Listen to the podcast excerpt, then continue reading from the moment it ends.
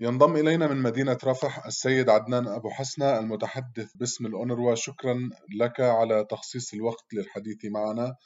أولا هل لك أن تخبرنا عن الوضع هناك في ظل التدفق المستمر للنازحين؟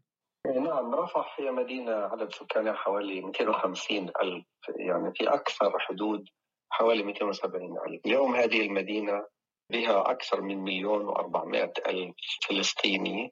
هذا يشكل ضغط كبير على هذه المدينة. يعيشون أسوأ لحظات حياتهم.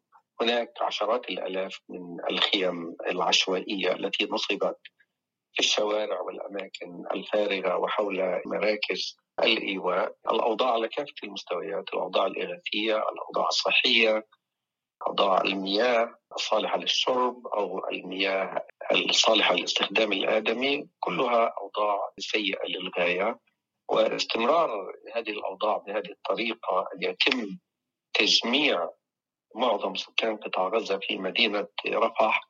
له أخطار غير مسبوقة على كافة المستويات النفسية والحياتية والمجتمعية والإغاثية بصفة عامة. كيف تتعاملون مع هذا الوضع؟ خاصة في ظل الضغوط التي تتعرض لها الأونروا حاليا فيما يتعلق بالموارد المالية؟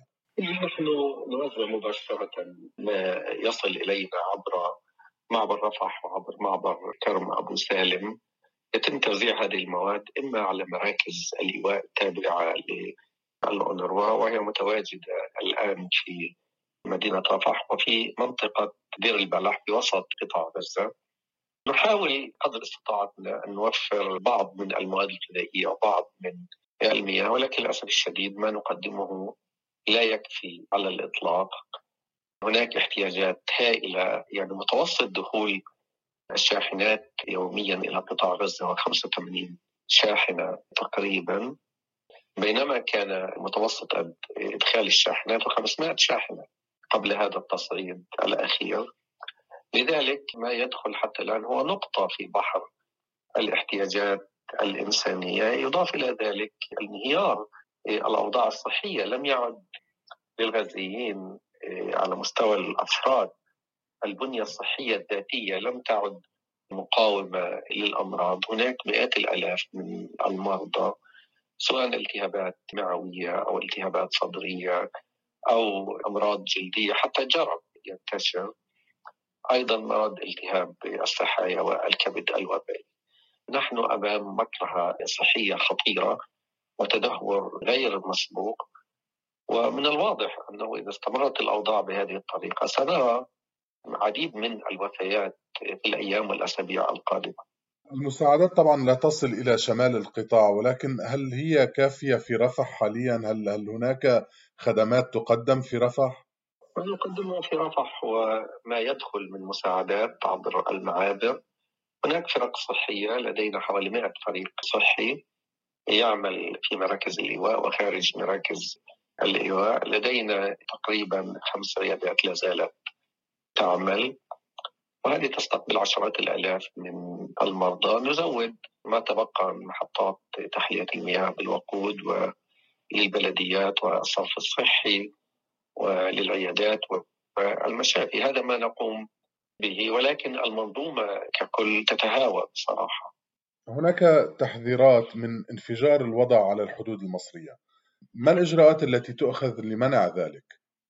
هذه الإجراءات ليست بيدنا عندما يتم دفع بمعظم سكان قطاع غزة إلى الحدود الفلسطينية المصرية في ظل وجود أوضاع مأساوية ومتدهورة كل ساعة يعني ما الهدف من ذلك؟ يعني والآن هناك تهديدات بعمليات عسكرية في منطقة رفح أيضا. يعني لا أحد يستطيع أن يتنبأ بصورة الأوضاع أو بما سيحدث.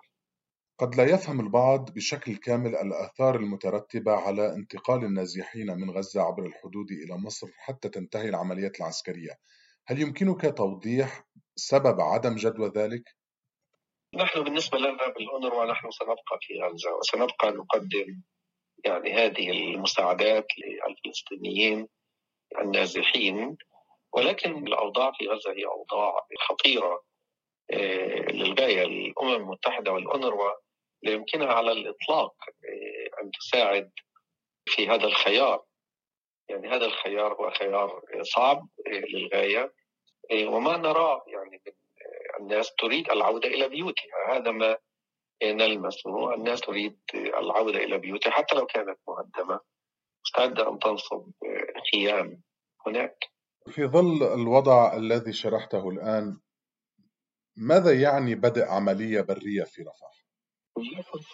يعني مئات القتلى والجرحى بل يمكن أن تصل إلى آلاف من القتلى. يعني تدمير كبير يعني ازدياد الضغوط الإنسانية على الأونروا وغيرها من المنظمات يعني عملية تدوير جديدة للنزوح.